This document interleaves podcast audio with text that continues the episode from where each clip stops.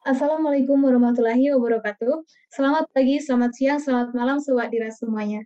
Kembali lagi bersama kita di Point Show, Podcast Internal Show episode kelima. Widih, gak terasa banget nih, udah episode 5 aja. Sebelumnya, perkenalkan dulu dong. Nama aku Yohana Wati Kurning. Orang-orang biasanya manggilnya Yohana. Tentunya dari D3 RPLA, Himadira, dan apalagi ya.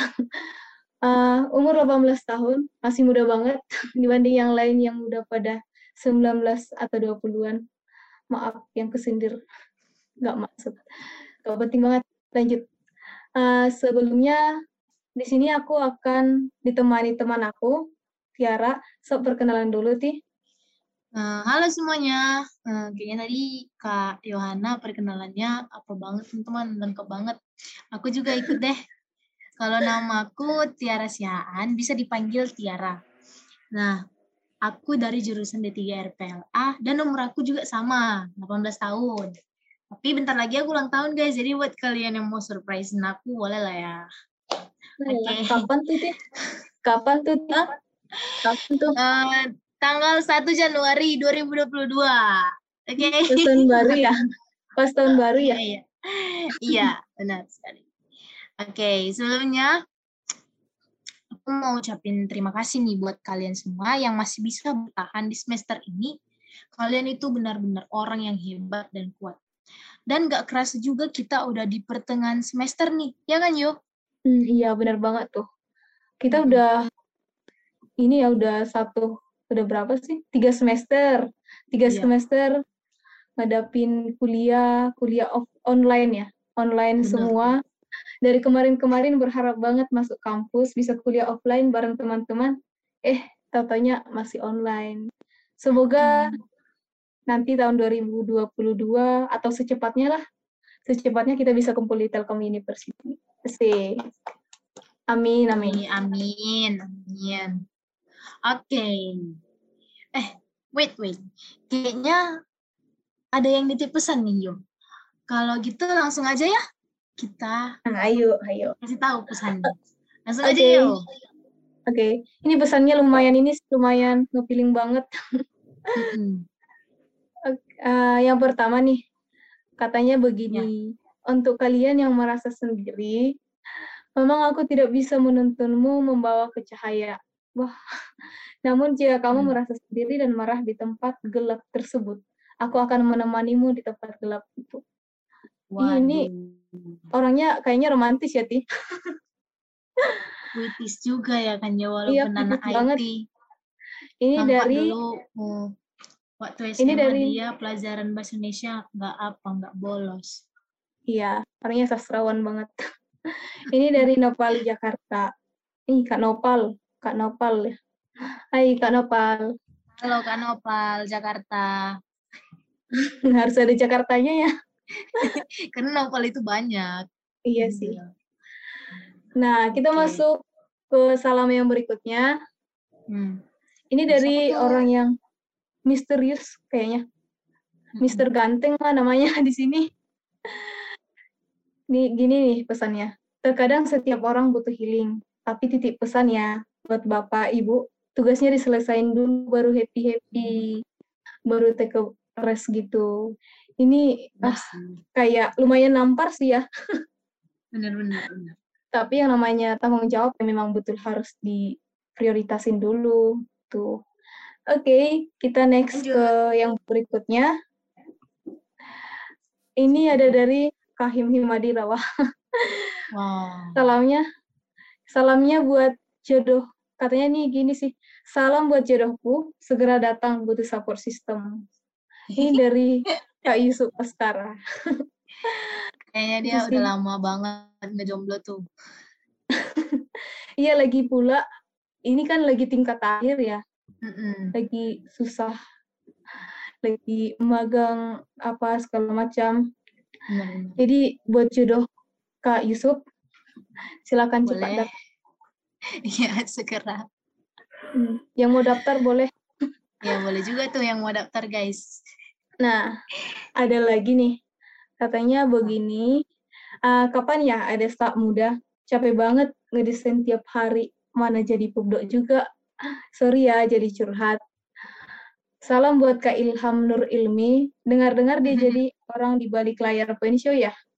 Wah, semangat juga, semangat terus ya Kak Ilham. Ini ada pesan sama Kak Ilham yang udah Ya, desain buat Kak Ilham nih. uh, yang udah desain Point Show. Terima kasih Kak Ilham. Semangat selalu. Semangat Kak Ilham, ada fans nih. Dia juga uh, kirim salam buat semua departemen internal. Halo, salam buat kamu. Uh, dan satu lagi nih hari yang terakhir, ini juga kayak ini tau, kayak fitis banget. Kita ngebatin banget tau, salam-salam yang di episode kali ini. Katanya nih, aku tidak berubah, tetapi dunia sudah berbeda. Aku masih sama, tetapi keadaan serasa membenciku. Aku muak dengan semuanya. Aku terlalu lemah menghadapinya. Ini mah kayak nuntut aku banget jadi puitis. Padahal nggak aku banget. banget. Kayaknya dia Iya. pengikut Kanopal Jakarta deh. Nah ya. Ini kayaknya lagi patah semangat. Semangatin dong, Ti. Oh semangat dong. Siapa itu yang Iya. kirim pesannya tadi?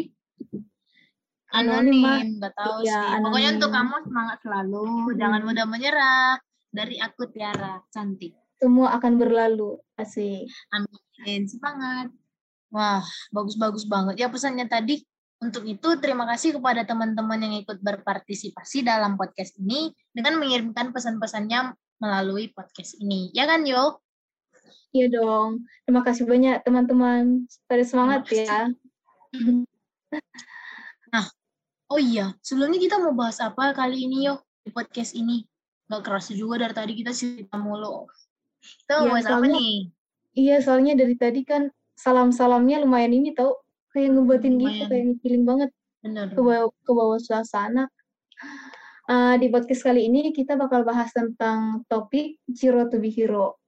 Hmm. Pembahasan ini nih relate banget sih sama kita-kita yang pernah mikir buat nyerah atau yang pernah di posisi kebingungan, sama masa depan. Ya nggak, Tir? Iya, ya, bener banget. Untuk itu, langsung aja yuk kita kenalan dulu sama Guestar kita. Kepada kakak Guestar, Iya. bisa perkenalin diri dulu nih. Silakan kakak. Halo semuanya, Assalamualaikum. Halo kakak. Eh, perkenalkan, nama aku eh, Ike Dian Oktaviani, eh, tapi biasa dipanggil Ike ya.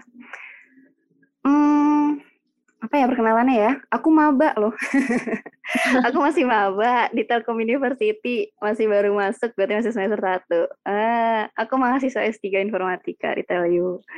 Gitu. Ya, dia maba tapi eh, mabanya di S3 ya kak? Iya, Jadi kita sama-sama punya tiga ya. maba. D3 dengan Ada ospek nggak, Kak? Ada ospeknya nggak tuh? Mas. Aduh, iya nih aku belum di ospek nih. Iya itu paling kesibukan aku. Itu sekaligus kesibukan aku ya. Jadi eh, karena aku masih maba jadi kesibukannya ya kuliah. Dan eh, kebetulan aku juga eh, sekarang eh, mengajar ya di Fakultas Informatika sebagai dosen LB. Lalu hmm, juga sebagai staf di Pusat Teknologi Informasi di Putih gitu. Wow, merangkak banget. Banget. Multi ya. Segitu kalian untuk perkenalan ya. apalagi nih apalagi. Kita lanjut ke pertanyaan aja ya, Kak. Kita sharing session dulu. Boleh, boleh. Kita sharing-sharing ya berarti ya. Kita ngobrol-ngobrol. Uh, ini kan topiknya tentang uh, sebuah perjalanan seseorang dari dari nol atau zero to be hero lah. Ceritain dong kak ini uh, kayak pengalaman kakak yang termasuk ke topik kita itu kayak sesuatu yang memang belum belum punya dasar gitu, tapi bisa berjuang dan bisa jadi orang yang bisa yang kayak sekarang gitu. Iya Ah, benar kak. Oke. Ah, kalau dari tema kan eh, zero eh, to be hero ya. Wah, ini topiknya eh, luar biasa sekali ini. Kalau hero itu mungkin bisa dibilang ah, belum bisa dikatakan hero gitu ya. Karena hmm, masih banyak gitu yang harus dikejar. Tapi dengan pencapaian sampai saat ini, kalau misalnya memang di titik ini sudah bisa dikatakan hero, pasti ada cerita di belakangnya. Jadi hmm, pengalaman ada ya. Jadi aku mungkin bisa dikatakan zero-nya aku tuh versi aku itu benar-benar zero gitu. Jadi hmm, ceritanya sih mungkin dari ketika aku kecil ya. Ketika aku kecil hmm. itu sering banget aku ini mendapatkan apa ya kayak kata-kata yang mungkin bikin orang down mungkin bagi sebagian hmm. orang gitu ya. Karena uh, aku dinilai dulu tuh seperti orang yang apa ya misalnya tidak mampu untuk menempuh sebuah pendidikan seperti itu ya. Jadi uh, aku sering uh, dalam tanda kutip dimusuhi oleh teman-teman gitu ya. Aku tidak punya teman di beberapa kali kesempatan gitu. Karena mungkin dianggap bahwa tidak selevel nah dari sini sebenarnya bermulanya bermula oh, berarti... muncullah semangatnya gitu. Lam juga ya teman-teman. Ya, dari dari lingkungan ini ya kak, dari teman-teman. Betul. Jadi uh, awalnya itu dari teman-teman ya. Terus aku merasa bahwa apa iya gitu, aku seenggak mampu itu. itu muncul seperti itu kan. Dari hmm. sinilah keinginan untuk pada awalnya mungkin niatnya seperti ini. Aku harus nunjukin nih ke mereka nih. Gitu. Kalau aku tuh bisa aku harus nunjukin itu. Nah jadi pada dasarnya emang ada keinginan untuk menunjukkan bahwa apa yang orang bilang itu tidak seperti itu gitu. Aku tuh tidak seperti itu.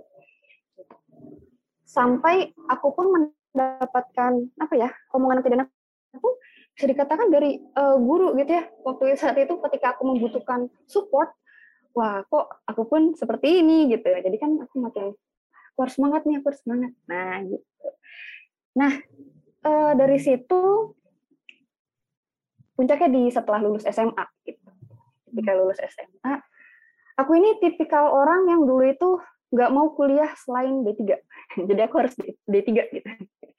Udah ambis dari SMA ya, Kak? Dari Iya, dan itu aku keterima satu pun aku waktu itu nggak aku nggak terima karena ya aku pengennya D3.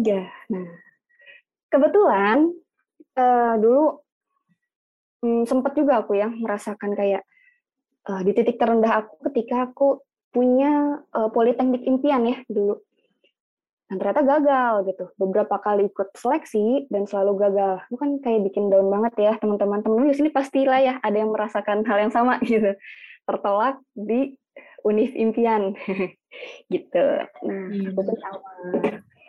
Di waktu itu aku juga eh, tertolak di politeknik impian aku. Di situ aku down tapi waktu itu aku bertekad lagi karena aku kesel ya waktu itu ya. Nah, karena aku kesel, aku bilangnya ke diri aku, lihat aja nanti ya, aku bakal balik ke sini untuk jadi dosen di sini. aku punya tekad itu. jadi semua yang muncul memunculkan semangat aku itu justru dari rasa kecewa aku gitu. Nah, pada akhirnya aku keterima nih di D3 uh, eh, Telkom University Informatika ya, sekarang RPL PPLA. Nah, akhirnya uh, terus mengikuti terus. sampai akhirnya di titik ini gitu. Iya. Hmm. Dan nggak tahu kenapa gitu tiba-tiba juga cita-cita aku ya padahal dulu aku SMA pengen jadi ini pengen jadi itu sering berjalan waktu begitu aku masuk di tiga tiba-tiba emang cita-cita aku berubah jadi dosen gitu ya lah mengikuti terus sampai di titik ini gitu jadi yang pada dasarnya Hmm, aku itu mengalami beberapa uh, kejadian yang mungkin bikin aku uh, kecewa berat gitu ya. Nah, dari situlah ada munculnya motivasi, keinginan kayak gitu ceritanya. Hmm, berarti kemarin yang gagalnya itu di Telkom ya, Kak? Dia yang digagalnya, gagalnya enggak di Telkom, justru Telkom yang menerima aku. Oh. Ada. Itu gitu. kemarin ngambil D3 RPLA udah ada ini nggak kayak SMA udah udah memang minat informatika gitu atau masuk tapi nggak tahu dasar-dasar atau apa gitu? Oh itu nah uh, sebenarnya dulu kan SMA itu aku tergabung di uh, tim olim komputer ya jadi udah sedikit uh, mengenal oh. codingan Nah, dari situlah uh, aku berusaha untuk uh, gimana caranya aku kuliah dapat uh, jurusan yang agak-agak nyerempet ke codingan gitu. Hmm. Karena menurut aku biar nggak berat gitu. Akhirnya aku memilih uh, D3 informatika gitu. Sekarang malah ya. iya jadi malah ya keterusan deh gitu.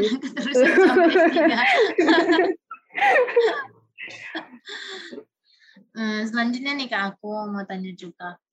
Kakak tahu insecure? Mm -hmm. Wajar nggak sih kalau kita itu merasa insecure sampai berpikir kita nggak bisa jadi apa-apa di masa depan. Dan apakah faktor lingkungan dan keadaan, keadaan kita menjadi pengaruh yang utama dalam menentukan arah pandangan hidup kita atau tujuan yang akan kita capai? Oke, jadi tentang insecure dulu ya. Uh, insecure itu bagi aku wajar sih ya, sangat wajar. Karena uh, kekhawatiran itu kayaknya pasti ada deh. Maksudnya di setiap uh, kita menjalani kehidupan berproses, gitu, pasti ada rasa khawatir. Minimalnya khawatirnya itu kita nggak bisa uh, maksimal gitu ya dalam menjalankan apa iya. yang kita kerjakan gitu. Tapi di sini yang perlu digarisbawahi adalah uh, insecure itu wajar. Yang nggak wajar itu ketika kita justru mengikuti perasaan itu gitu. Dalam arti kita mengikuti perasaan itu sampai akhirnya kita nggak mau lanjut, kita nggak mau move gitu karena kita ngerasa bahwa ah udah deh ini ngoding susah banget deh aku kayaknya nggak akan bisa deh nih praktikum ini lulus udah aja gitu nah itu sebenarnya yang nggak bisa yang nggak boleh gitu ya jadi insecure itu wajar tapi kita harus cari cara gitu gimana sih caranya biar insecure kita itu hilang gitu. nah e, sebenarnya hari ini pun ya, siang ini pun barusan juga aku merasakan insecure gitu e, Kenapa, kenapa aku bisa tahu gitu ya? Aku insecure gitu. Aku biasanya kalau insecure itu langsung sakit kepala. Gitu. Jadi aku tahu aku lagi insecure nih. Ya, aku insecure karena aku lagi mikir, aduh gimana nih gitu. Kayak penelitian aku uh, bisa nggak ya? gitu tembus gitu, bisa nggak ya diterima? Sampai seperti itu. Nah, tapi akhirnya aku tuh sudah menemukan sebuah cara. Bagaimana sih caranya biar insecure aku hilang, biar aku bisa tetap jalan, nggak nggak selalu pusing gitu? Ini gimana penelitian aku jalan-jalan terus? Aku mikir itu berhari-hari. Pada akhirnya sampai akhirnya penelitian aku nggak pernah dikerjain. Nah itu yang salah. Nah, jadi aku cari cara nih. Aku suka jalan-jalan orangnya. Jadi ketika aku insecure aku pasti jalan-jalan kayak gitu contohnya jadi ayo cari cari cari cara lah biar insecure hilang nah ketika udah fresh lagi baru kita mulai lagi belajar lagi kayak gitu itu untuk insecure lalu uh, faktor lingkungan ya berpengaruh atau enggak? Ya. Bagi aku berpengaruh banget, banget banget. Jadi uh, kita hidup di mana, kita berteman dengan siapa, gitu ya. Hmm. Itu tuh secara nggak sadar ternyata membentuk uh, pola pikir kita, gitu. Uh, biasanya ya, lama kelamaan kalau kita berteman dengan orang yang sama itu, uh, akhirnya kita ngerasa kayak oh kita satu visi kayak gitu sih aku selalu ngerasa kayak gitu nah mungkin juga teman-teman ada yang ngerasa yang sama gitu ya udah temenan sama dia tuh udah sama dia aja gitu nggak nggak iya, mau bener. Pindah teman gitu. Karena udah ngerasa klop kan kita tuh. Nah itu uh, secara nggak sadar pola pikir kita tuh uh, ikut juga gitu. Nyambung. Sampai pada akhirnya nanti pola hidup juga jadi sama gitu. Kita makan dia makan gitu. Kita jadi punya jadwal-jadwal yang kadang-kadang sama gitu. Kita aktif dia juga aktif. Kadang-kadang dia aktif apa kita juga akhirnya ngikut gitu. Jadi uh, penting untuk menentukan dengan siapa kita mau uh, kalau berteman dengan siapa saja gitu ya. Nah tapi ya itu bergaul yang benar-benar kita harus menciptakan close friend gitu ya. Close friend itu harus kita uh, selektif lah gitu ya. Karena itu akan mempengaruhi mempengaruhi diri kita. Kita akan ke bawah ke mana sih? Seperti itu. Hmm, ngomong-ngomong soal ini kak sosial menurut kakak kakak orangnya gimana? Introvert atau ekstrovert atau ambivert ambivert ambivert ambivert oke aku beberapa kali ku tes aku selalu ekstrovert ekstrovert selalu ya Ya, extrovert. Emang aku orangnya apa ya? Aku merasa nggak suka ya kalau misalnya diem gitu. Aku harus aku harus selalu apa ya ngomong aku harus uh, selalu ada di tengah orang-orang gitu. itu titik nyaman aku di situ gitu bahkan hmm. sampai apa ya belajar pun mungkin harus harus di tempat ramai aku nggak bisa kalau harus hening gitu ya di perpustakaan sepi oh. ya. nggak bisa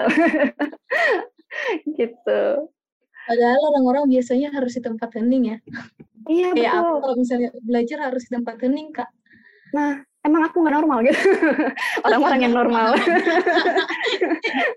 emang harusnya seperti itu gitu aku iya, mungkin ya menyusahkan loh harus ramai tapi itulah uh, jadi salah satu keunikan diri kita tersendiri. Betul.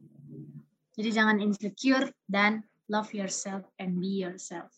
Betul, itu dia.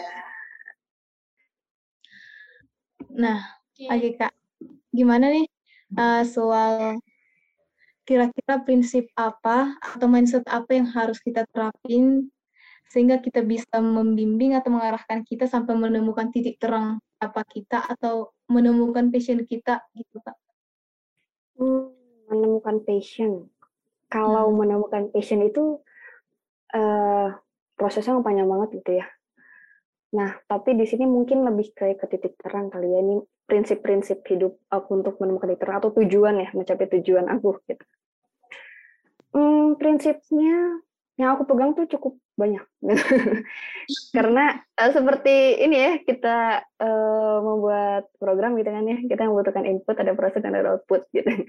Nah di setiap proses itu di, uh, ada selalu ada prinsip yang ditanamkan kita mulai dari input dulu nih ya pada saat awal nih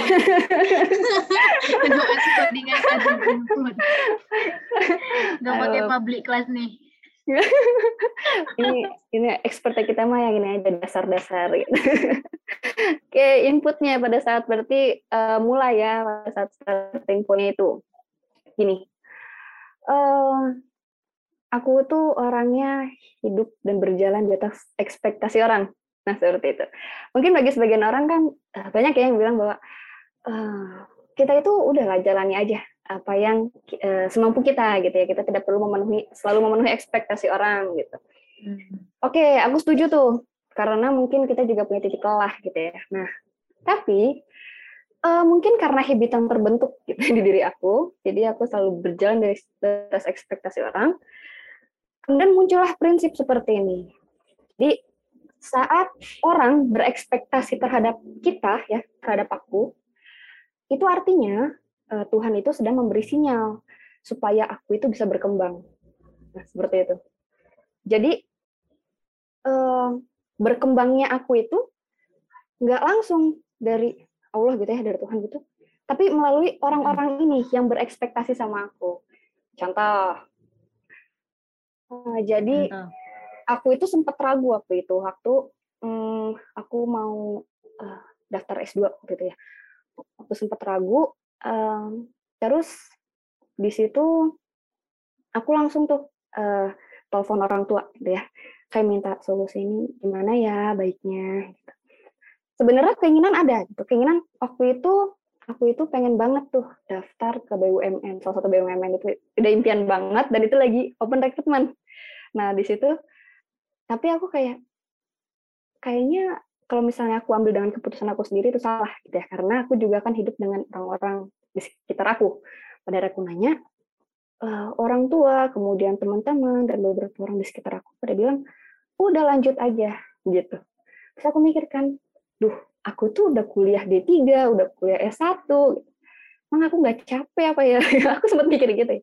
Nggak capek apa kuliah mulu belajar mulu Akhirnya aku bilang ya udah deh aku hmm. coba gitu nah dari situ aku kayak oh iya ini ini caranya Tuhan nih biar aku ini bisa uh, mengembangkan potensi aku lagi gitu melalui S2 ini.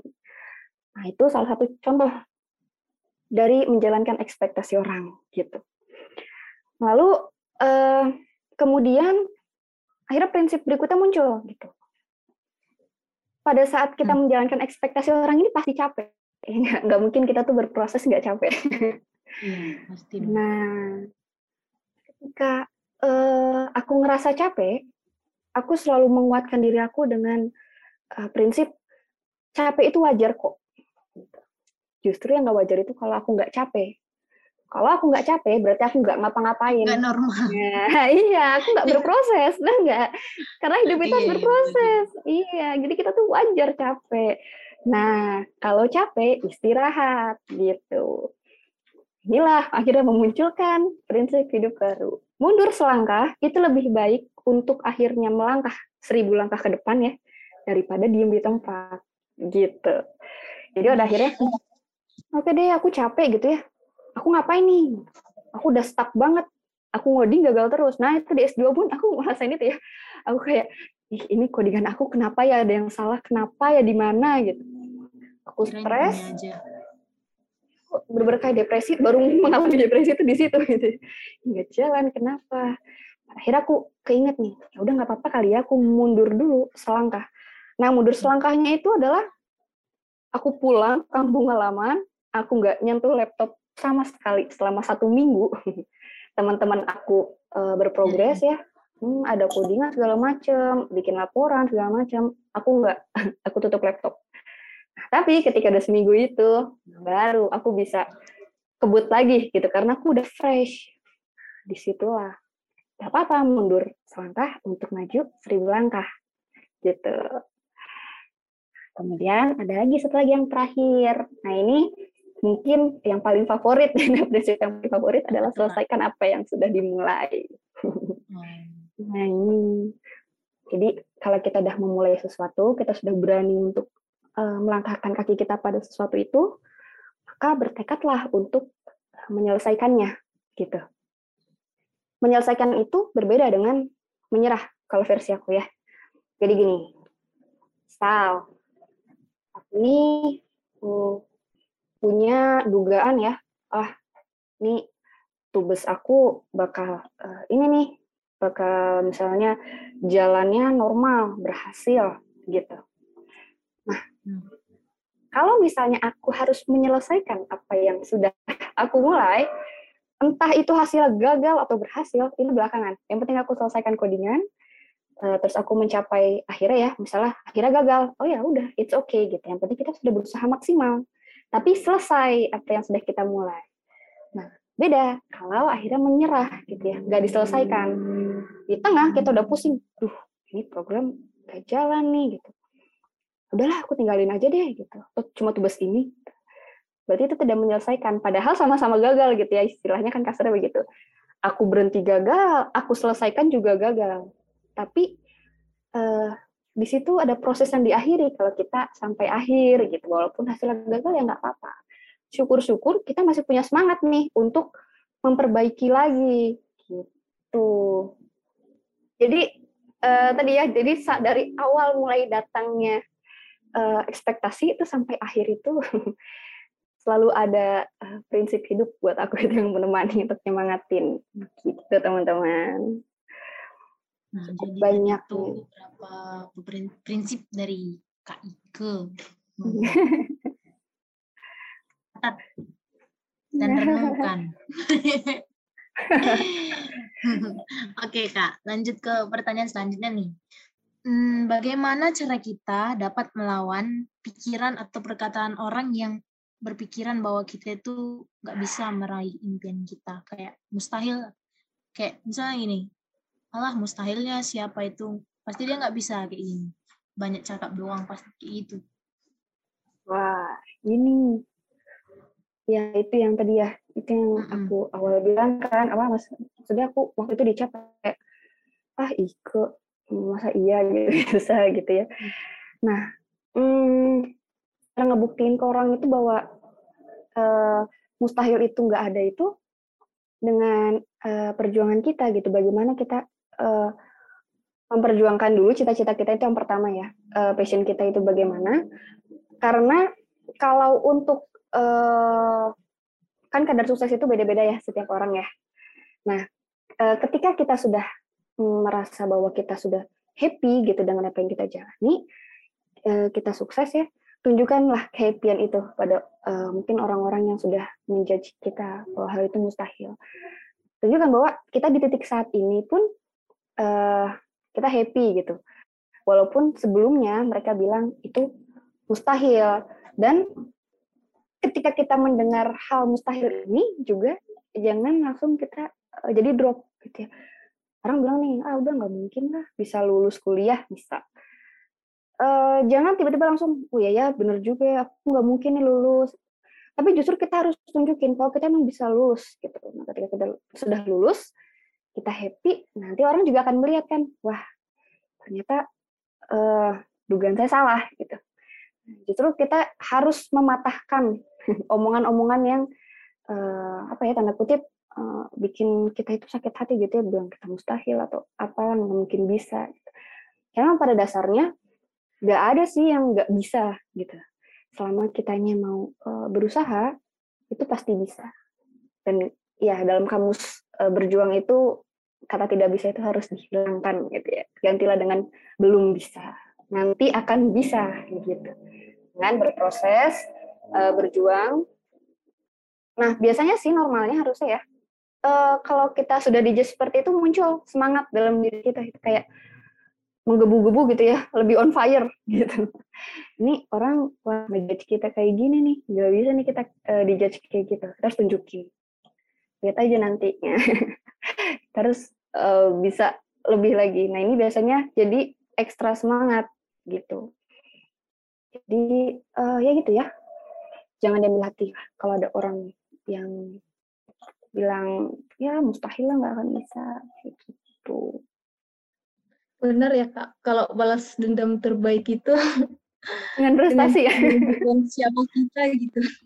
Iya jangan balas dengan omongan lagi kan kayak oh iya. kamu mustahil akan lulus kamu juga mustahil akan lulus itu nggak akan kelar harus ada pembuktian ya iya betul oke kak terus nih uh, kita kan sering nih menemukan sosok atau motivator lah yang biasanya memberikan pernyataan atau motivasi sama orang-orang soal uh, perjuangan hidup. Mungkin uh, termasuk nih ungkapan ini it's okay jika kita harus mulai dari nol. Kita bisa jadi seorang yang besar ketika kita mau memulai melangkah dan berusaha. Namun kak pada kenyataannya itu secara latar belakang kalau di kelas balik ke latar belakangnya orangnya bisa terbilang mampu atau terbilang sudah ya terbilang kaya lah kalau misalnya di segala sesuatu perjuangan itu ekonomi kan mendukung banget, harus mendukung banget gitu. Uh, misalnya udah didukung sama faktor ekonomi yang memang oke, okay, sama hal yang akan diambil gitu. Padahal itu katanya ber, uh, ber dimulai dari nol. Padahal sementara dia sudah ada fasilitas-fasilitas. Sementara orang-orang yang ingin ngambil pengen sekali atau yang udah berusaha ingin maju ingin melangkah, banyak yang terhalang karena ekonomi. Yang gitu masih termasuk ini nggak sih menurut kakak? Masih termasuk pengalaman to be Hero nggak sih? Hmm, mungkin ya, bagi dirinya itu Zero to be Hero. Karena bisa jadi, uh, bisa jadi juga gini loh, uh, kita ngelihatnya, dia udah mampu nih gitu ya, uh, dia mah udah udah punya modal gitu kan misalnya gitu. Tapi kita nggak pernah tahu di balik itu bagaimana dia berproses gitu. Uh, struggle apa sih yang dihadapinya uh, gitu ya. Misal contoh, dia oke, okay, ekonominya oke, okay, terus orang tuanya punya rekanan yang oke okay, gitu. Terus uh, ketika dia mulai bisnis, oke okay, kita bisa melihat kan, wah dia udah punya modal dari banyak pihak gitu. Nah ternyata di balik itu uh, versi zero to be hero-nya bagi dia itu uh, dia mungkin harus bangun lebih pagi, harus menyiapkan konten untuk marketing, terus untuk harus uh, research untuk apa ya menemukan barang-barang uh, yang harus dia distribusikan dan lain sebagainya. Jadi kalau ditanya itu termasuk uh, zero to be hero, uh, bisa dikatakan iya menurut versinya dia gitu. Walaupun bagi kita kalau melihatnya dari sisi luar ya, oh ya emang udah enak nih pantesan aja gitu uh, kenapa aku bisa bilang kayak gini gitu. karena mungkin uh, aku juga orangnya ini ya selalu uh, melatih ayo kita harus uh, lihat dari berbagai sisi gitu. Uh, apa yang kita lihat belum tentu apa yang uh, dia rasakan, dia lakukan. Gitu. Begitu juga dengan apa yang orang lihat terhadap kita, belum tentu kita uh, melakukan hal yang demikian. Jadi uh, banyak versi zero to be hero gitu sebenarnya, walaupun dia berprivilege gitu teman-teman. Itu versi aku. sendiri ya. Iya, jadi setiap orang itu punya uh, apa ya? Juang sendiri-sendiri gitu ya untuk mencapai hero-nya masing-masing gitu. Hero-nya hmm. aku seperti ini. Mungkin hero-nya teman-teman lain ada lagi uh, beda lagi gitu tujuan hidupnya. Iya, betul. Jadi uh, jangan khawatir gitu ya. Uh, misalnya itu juga jadi uh, bahan insecure teman-teman gitu ya uh, wah dia mah anaknya udah punya modal, aku mah apa tuh gitu kan ya. Uh, kurang ini, kurang itu. ya kan, jadi kan kita merasa jadi insecure. Belum apa-apa kita udah minder dulu. Itu sering sih terjadi ya nggak. Kebetulan aku pun pernah merasakan di posisi itu gitu.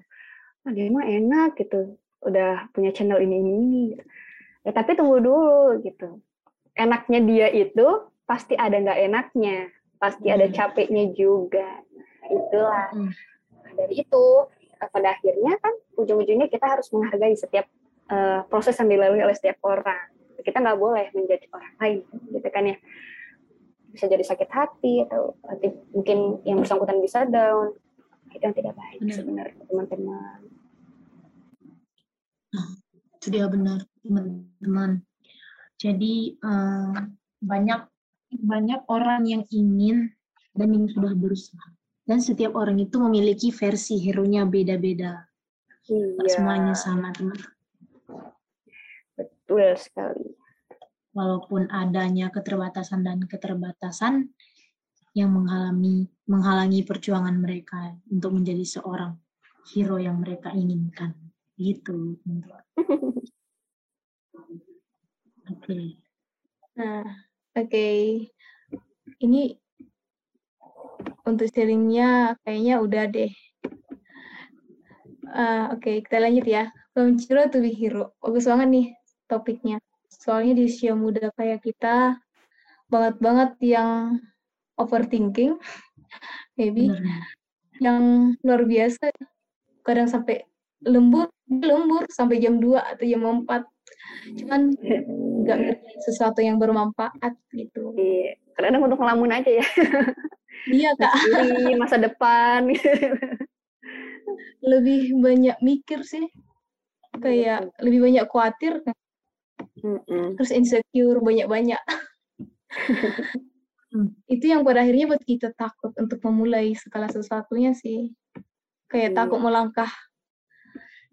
Uh, Oke okay, kak, makasih ya udah mau sharing sama kita. Ini bahasan bahasannya seru sama Kak Ike topiknya juga Benar. seru, relate sama anak-anak muda. Iya. Uh, Apalagi sekarang ya kan, tengah semester banyak orang yang mau nyerah gitu. Iya, hmm, jangan menyerah, harus semangat. mau UTS juga kan? Eh, di bilang nggak ada UTS ya? Nggak mau S3. assessment kak, assessment. Iya, assessment kalau di D3 iya, itu bahasanya. Iya, semangat, semangat insecure-nya di pending dulu. Iya, di pending dulu. Uh, makasih Kak Ika udah gabung sama kita, sharing sama kita. Semoga berguna buat kitanya, nambah semangat buat terutama mahasiswa RPLA ya. Berkah buat kakaknya, sehat selalu, lancar segala urusan Amin. yang merangkak jadi dosen atau mahasiswa dan sebagainya. Ayo aku tunggu kalian ya. Iya, ya, minta satu. amin. amin, amin. Iya. Terima kasih kembali teman-teman. Iya, makasih Kak Ike. Oke teman-teman, selanjutnya aku mau kasih tahu kalian nih tentang uh, sosial media dan kegiatan-kegiatan di Madira. Tapi sebelum itu, aku mau baca satu pesan yang ketinggalan teman-teman. um, pesannya itu salam buat Dena, semangat kuliahnya. Terus ada emot lope-lope gitu uh, dari anonim. Nah, buat Kak Dena semangat selalu ya. dari anonim Dari nih, siapa mungkin dari Anonim ya? kayak mm-mm, mungkin dari crush atau orang yang suka sama dia. Easy, easy. Kak Dina Oke, dapat salam. Mm-mm. Oke teman-teman, selanjutnya aku bakal ngasih tahu sosial media dan kegiatan-kegiatan Madira. Nah pertama itu jangan lupa follow sosial media Himadira, yaitu ada IG atau Instagram Himadira Official dan juga jangan lupa follow eh, akun D3 RPLA, akun Instagramnya yaitu usernya eh, D3 RPLA Fit. Nah, untuk kegiatannya ada di Natalis teman-teman dan kegiatan yang akan datang ada malam wisudawan. Jadi kalian harus pantengin terus kegiatan di Madira teman-teman. Tunggu, pasti bakal seru banget walaupun online. Oke, semangat selalu kuliahnya. Terima Iya. kasih. Ber- beragam banget ya kegiatan di Madira. Semangat terus semuanya. Jangan lupa pantangin terus kita, apalagi Point Show. Dan buat yang mau ngasih uh, kirim feedback buat kita bisa banget tuh kita tampung di buat episode berikutnya. Nah, untuk link feedback kita akan sediain di box description. Tinggal diklik aja guys, diisi ya. Hmm, bener banget, Yo.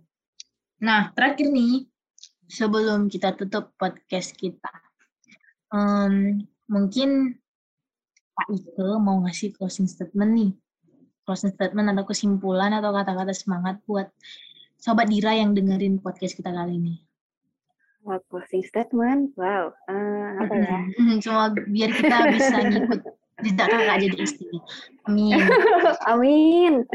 Tiga amin.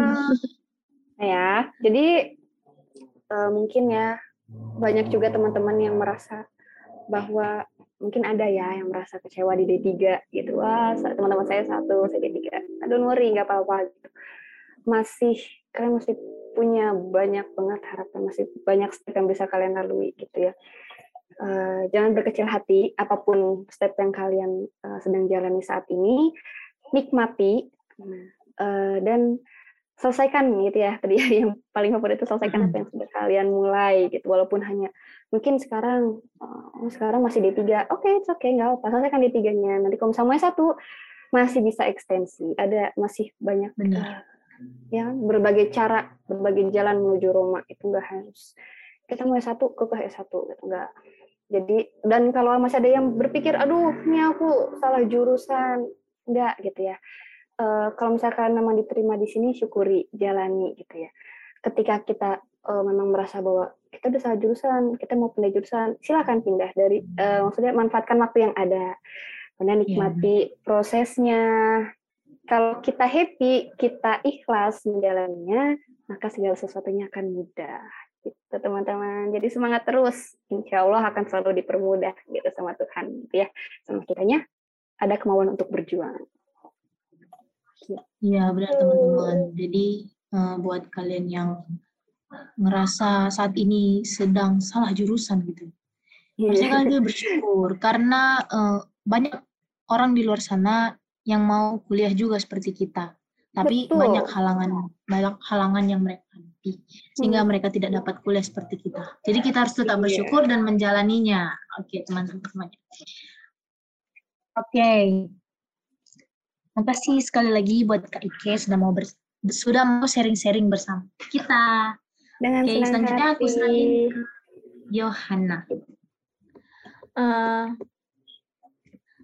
Oke guys, sekian untuk episode kali ini ya. Kita mau pamit undur diri. Eh, terima kasih sudah bersama kami dan mohon maaf buat kurang lebihnya. Makasih semuanya, semangat. Makasih guys, dadah.